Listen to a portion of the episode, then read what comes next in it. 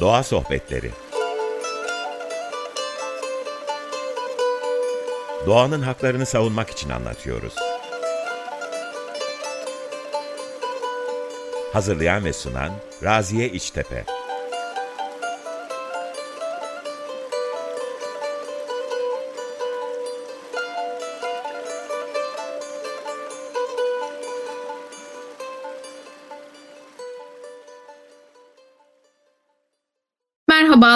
Sohbetlerine hoş geldiniz. Ben Raziye İçtepe. 95.0 Açık Radyo'dayız. Doğa Derneği'nin desteklediği sohbetimizin bu haftaki konusu oldukça renkli. Kök boya geleneğini konuşacağız. Bilinmeyen yönlerini, doğayla olan ilişkisini tartışacağız. Ee, Süleyman Demirel Üniversitesi Güzel Sanatlar Fakültesi öğretim üyesi doçent doktor Mustafa Genç bizlerle birlikte bugün. Hoş geldiniz Mustafa Hocam. Hoş bulduk, merhabalar. Merhabalar. Çok teşekkür ederiz bizleri kırmayıp sohbetimize katıldığınız için. Rica ediyorum. Sizinlerle olmak benim için büyük bir keyif. Çünkü doğayla olan, bitkiyle olan, insanla olan, daha doğrusu evrendeki bütün varlıklarla ilgili çalışmalar yapan bütün dernekleri, oluşumları ben çok severek desteklemeyi istiyorum ve bu anlamda elimden ne geliyorsa da yapıyorum. O yüzden yaptığınız şey çok kıymetli. Asıl ben teşekkür ediyorum böyle bir fırsatı verdiğiniz için. Birlikte yapınca güzel oluyor bence hocam. Onun güzelliği, lezzeti de oradan geliyor.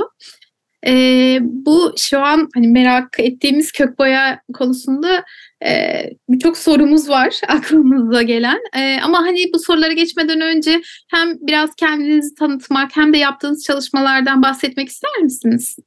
Aslında en zor soruyu sordunuz şu anda bana. Çünkü bir insanın kendisini anlatması kendisiyle ilgili konular konuşması ben kendi dünyamda çok zor geliyor bana. Bütün hayatımda aslında kendimi bir hiç olarak tanımlıyorum. Çünkü varmak istediğim ve ulaşmak istediğim nokta hep öyle. O yüzden hem sosyal mecralarda hem hayatımın her yerinde bütün metinlerime öyle başlıyorum. Ben Mersin'in Silifke ilçesinde doğan ama kendini her zaman Silifkeli, işte doğayla iç içe geçirmiş, çocukluğunun birçok alanında bir kıl çadırda, kara çadırda yaşamış, keçileri güden, doğayla baş başa olan, bütün mevsimlerde o renk geçişlerini gözlemleyen bir yörük çocuğu, bir hiç olarak tanımladım. Ee, akademide 25 yıldır mesleki olarak devam ediyorum. Türkiye'nin birçok yerinde kök boya, doğal boya tartışmaları sürerken, akademinin içinde adı ne olmalı tartışmaları sürerken, ben bu işi insanlar nasıl yapıyor, buradaki insanlardan neler öğrenebilirim üzerine 25 yılım geçti bir 4-5 yıl boyunca o dönemler adı Başbakanlık Osmanlı arşivleriydi. E, arşivlerde bir 5 yıl boyunca çalıştım. Boyahaneler, boya bitkileri, bunların üretim yerleri, üretim şekilleri üzerine bir 5 yıl çalıştım. Sonra akademik anlamdaki bu çalışmaları sahadaki derlediğim bilgilerle karşılaştırıp en doğru olan boyama ya da yöntem nedir üzerine de kafa yorup bu işi markalaştırıp bütün dünyaya tanıtma gibi bir misyonu da üstlenmiş durumdayım. Bu şekliyle kendimi kısaca tanımlayabilirim diye düşünüyorum. Anlattığınız gibi aslında hem kökleriniz hem de e, içinde bulunduğunuz o e, atmosfer zaten doğayla sürekli hemhal olmayı gerektiriyor. Kök boyadan bahsedelim isterseniz biraz merak eden herkes için. Kök boya nasıl elde ediliyor? Yani ismi bize biraz böyle ipucu veriyor ama bir de sizden dinlemek isteriz.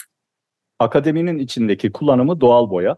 Çünkü biz biliyorsunuz bütün kavramlarımızı akademinin içinde çeviriler üzerinden kurgularız.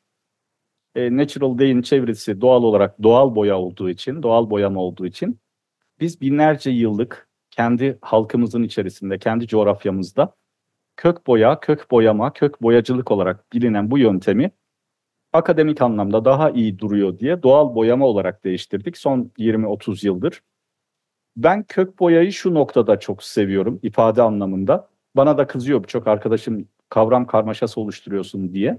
Meselenin köküne inme, felsefi anlamda kök dediğinizde o işin en temel noktalarına kadar gidip geleneğine gidip, geçmişine gidip bütün süreçlerini çok detaylı bir şekilde tanımlama olarak aslında ben bu ismi çok önemsiyorum. 20. yüzyıl başlarına kadar Osmanlı Devleti'nin birinci sıradaki ihracat ürünü bizim kök boya diye bildiğimiz bitki. kök boya denildiğinde tabii ki arkadaşların da şöyle bir yaklaşımı var. Yani sadece bitkilerin köküyle mi boya yapılıyor ki biz buna kök boya diyelim diye. Tabii ki bitkilerin köküyle boya yapılmıyor sadece. Bitkinin köküyle, çiçeğiyle, yaprağıyla, gövdesiyle boyamalar gerçekleştiriliyor. Sonra böcekler var kullandığımız, boyamada kullandığımız hem gıda sektöründe hem de bizim tekstil alanında kullandığımız. Ayrıca deniz salyangozları var. Bir dönem Roma'ya bile o adını veren Roma moru dediğimiz purple'dan gelen işte mor rengin purpur böceklerinden purpur deniz salyangozuyla yapılan boyamalar sonrası ortaya çıktığını düşündüğümüzde aslında bütün bir boyama yönteminin adı benim tanımımla kök boya, akademinin ifadesiyle de doğal boyama. Yani doğada kendiliğinden yetişen bir müdahale olmayan bitkileri, böcekleri doğal olan elyaflar üzerinde renklendirme işlemi yaptığımızda bu boyamanın adı doğal boyama, kök boyama oluyor. O işte bitki de latincesi rubia tinctorium olan aslında boya otu, boyacı otu, dil kanatan otu, boyalık otu gibi Anadolu'nun birçok coğrafyasında yetişen ve kırmızı renk elde edilen bir bitkiyle başlıyor aslında serüven.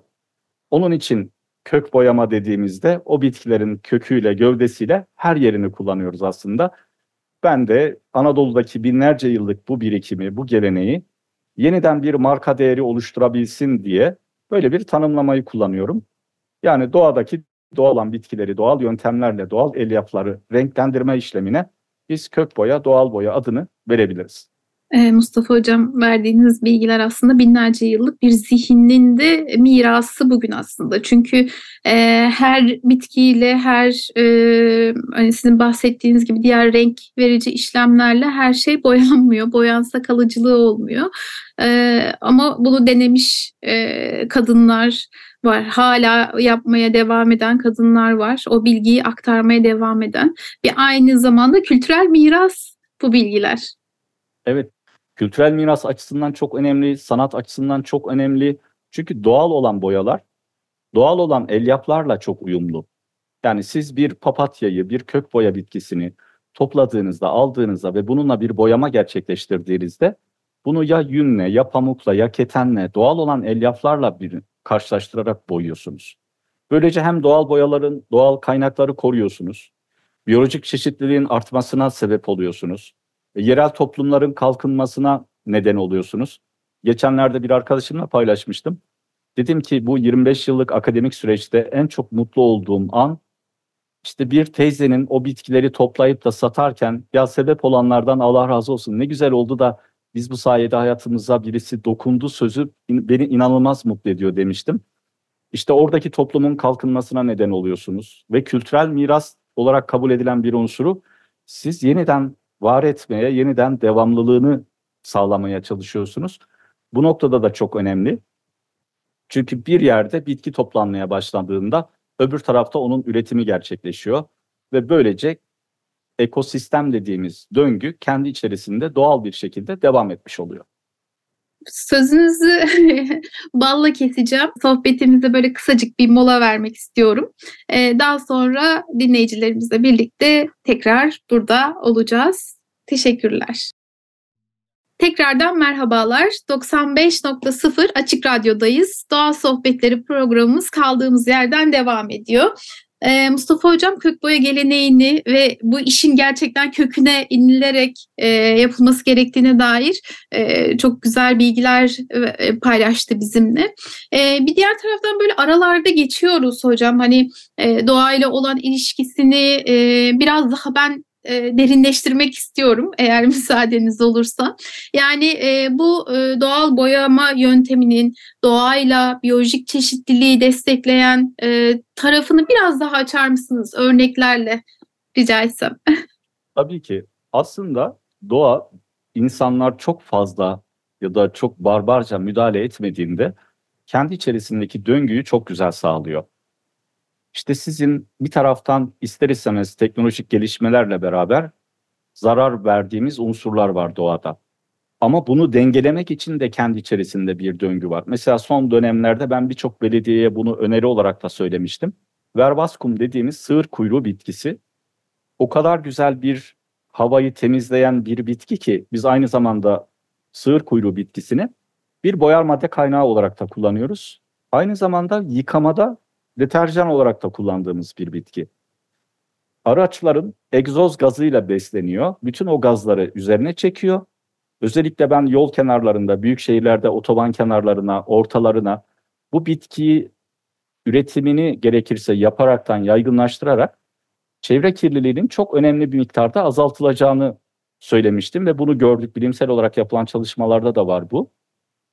E siz bu bitkiyi aynı zamanda topluyorsunuz, sarı renk tonu elde ediyoruz. Sonra aynı bitkinin yapraklarıyla ve gövde kısmıyla kendi dokumalarınızı yıkadığınızda bir temizleyici unsura da dönüşmüş oluyor. Yani kendi aralarında öyle güzel bir sistem var ki yeter ki siz o sistemi doğru bir şekilde keşfedin, kendi aralarındaki bağlantıları kurmalarına izin verin. Aradan çıkmamız gerekiyor aslında insan olarak. Durup böyle uzaktan baktığımızda doğanın kendi içerisindeki bu döngüyü ne kadar güzel bir şekilde yakaladığını hep beraber göreceğiz. İşte doğal boya bitkileri de böyle. Bir taraftan hayvanların yiyeceği bir bitki. İşte keçiler mesela otlarken seçici bir hayvandır. Özellikle yörük yaşamında da şöyle bir söz söylenir. Yörükler bir yere konmak istediklerinde yani çadırlarını kurmak istediklerinde, evlerini yapmak istediklerinde ardıç ağacı olacak, kekik kokacak ve keklik ötecek derler. Şimdi ardıç ağacına bakıyorsunuz 1400 ve üzeri rakımlarda olan bir ağaç. Kekik hem temiz ortamlarda, havası temiz olan yerlerde olan bir bitki. Öbür taraftan keklik de doğal ortamların olduğu yerde, kirlenmemiş suların, kirletilmemiş doğanın olduğu yerde yaşayan bir kuş türü. Şimdi o bilgeliği yakaladığınızda aslında kendi mekanınızı kurarken ona göre bir seçimde bulunuyorsunuz. Kök boya olarak kullandığımız bitkilere baktığımızda bunların aynı zamanda bitki çayı olarak kullanıldığını görüyoruz birçoğunun. Yani insanın bedenine de çevreye de hiçbir toksik madde içermeyen, alerjenik madde içermeyen, çevreye zarar vermeyen ya da diğerlerine göre çok daha az zarar veren bir bitkiler ya da boyama yöntemi olduğunu biz görüyoruz. E şimdi buradan yola çıktığımızda bizim kekiye mesela yaklaşımımız yörük kültürünün içinde şöyle derler. O çiçek açana kadar insanındır. Çiçek açtıktan sonra keçinindir. Yani yapraklarını toplamanız için işte çiçekten önce onu alıyorsunuz ve kurutuyorsunuz. E, çiçek dendiğinde bu sefer o eski aromasını vermediği için hayvanlar onu yiyor. O döngü kendi içinde devam ediyor. Yine biz çocukken böyle bir bitkiye elimizi uzatsak hemen böyle annemiz ya da büyüklerimiz elimize dokunurlardı. Onun da canı var sen ne yapıyorsun diye. Şimdi böyle bir algı içerisinde baktığınızda o zaman işte Yunus'un sordum sarı çiçeğe annem babam var mıdır dizesini çok daha güzel bir şekilde kendi dünyanıza adapte edebiliyorsunuz. Ve sorumlu olduğunuz bir dünya var, bir çevre var, bir doğa var. Bütün o dengeyi kurmanız gerekiyor. Bu sefer daha az tüketmeye başlıyorsunuz. İnsanlarla iletişiminiz, doğayla iletişiminiz bambaşka oluyor. İşte o zaman çocuklar ölmüyor mesela dünyada. İşte bütün hayvanlar zarar, zarar verilmiyor, bitkilere zarar verilmiyor. Ve siz bu yapının içerisinde yerinizi çok iyi konumlandırıyorsunuz. Ona göre hareket ediyorsunuz. Bugün işte e, kök boyayı konuşuyoruz. Tabii ki doğayla, e, göbek bağıyla bağlı bu üretim biçimi. Ama e, sadece o kadarla kalmıyor. Yani birbirimizin arasındaki ilişkilere kadar uzanan bir süreci var. E, topraktaki işte kimyasal kullanılmadan bir üretim süreci var. Suyu kirletmiyor toprağı, havayı kirletmiyor. Daha az enerji kullanılmasına e, sebep oluyor. Aslında bunların hepsi büyük bir sizin de söylediğiniz gibi döngünün bir parçası. Ee, bir bitki toplamak ya da hasat etmek için e, nelere dikkat etmek gerekiyor? Çünkü biraz önce söylediğiniz e, büyüklerimizin de söylediği gibi onların da canı var, onlar da yaşıyor. E, bununla ilgili siz neler söylemek istersiniz?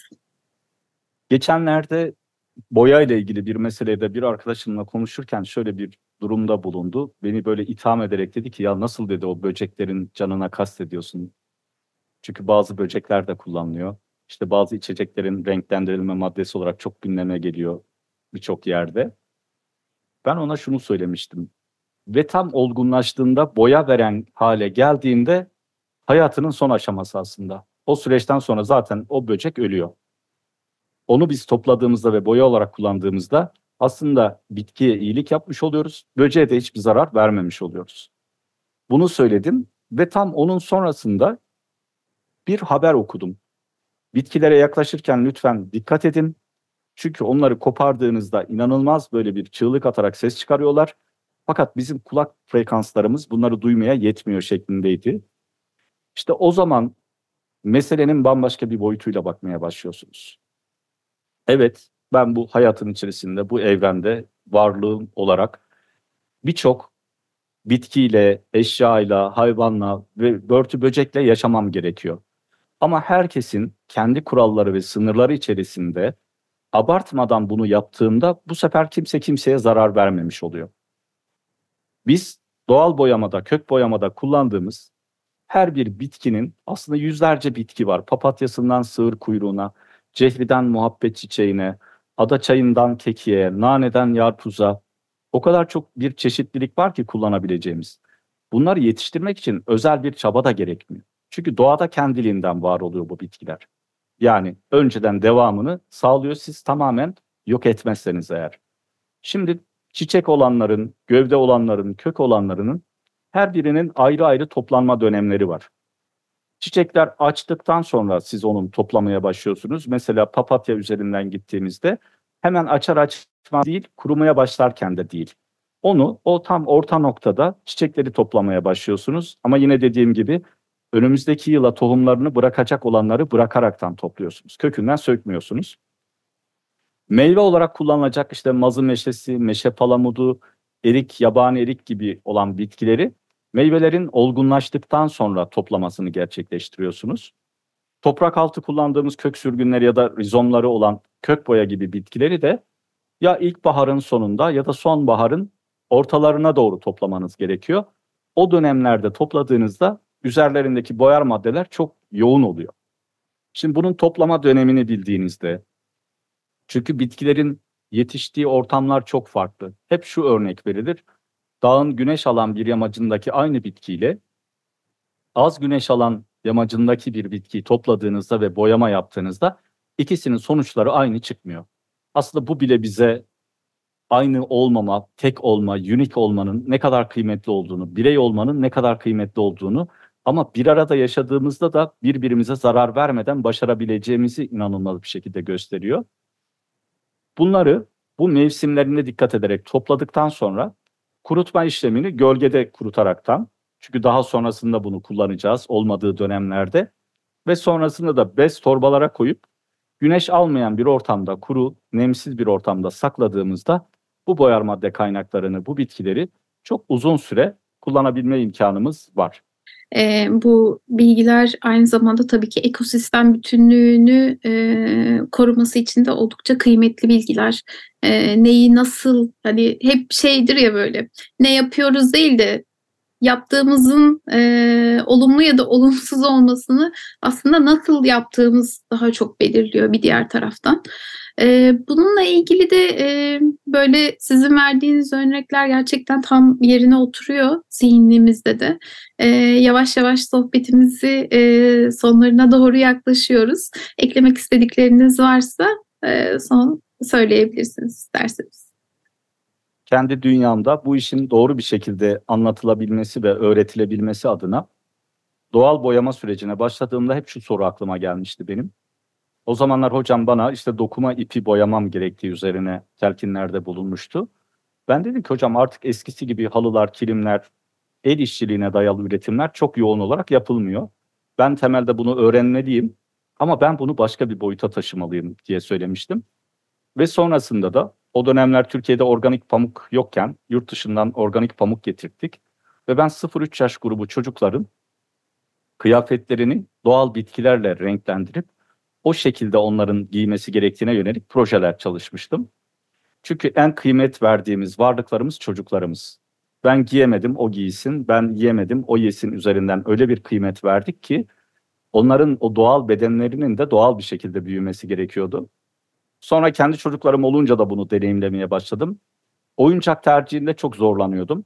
Çünkü insanlar oyuncak satarken direkt olarak ahşap malzemeden yapılmış, hiç boyanmamış oyuncakları doğal oyuncak diye satıyorlardı.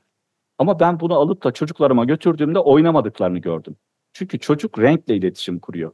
konuşmadan önce renkleri seçiyor, renkleri algılıyor, onun üzerinden bakıyor. Ve o ahşapların doğal boyalarla, kök boyalarla boyanması üzerine bir çalışma yaptım. Ve onların da artık ağzına götürdüğümde ona göre malzemeler seçip işte zeytinyağıyla en son işlemlerini yapıp ya da onlara hiçbir şekilde zarar vermeyecek bitkileri kullanıp bazı bitkilere hassasiyeti olan çocuklar için başka boyama yöntemleri geliştirip oyuncakların da doğal olarak boyanması sürecine katkıda bulundum. Çünkü tekstil olarak, kumaş olarak ve diğer alanlarda bunu kullanmadığımızda sürekliliği sağlayamıyoruz. Tabii ki onu da abartmadan yapmamız gerekiyor.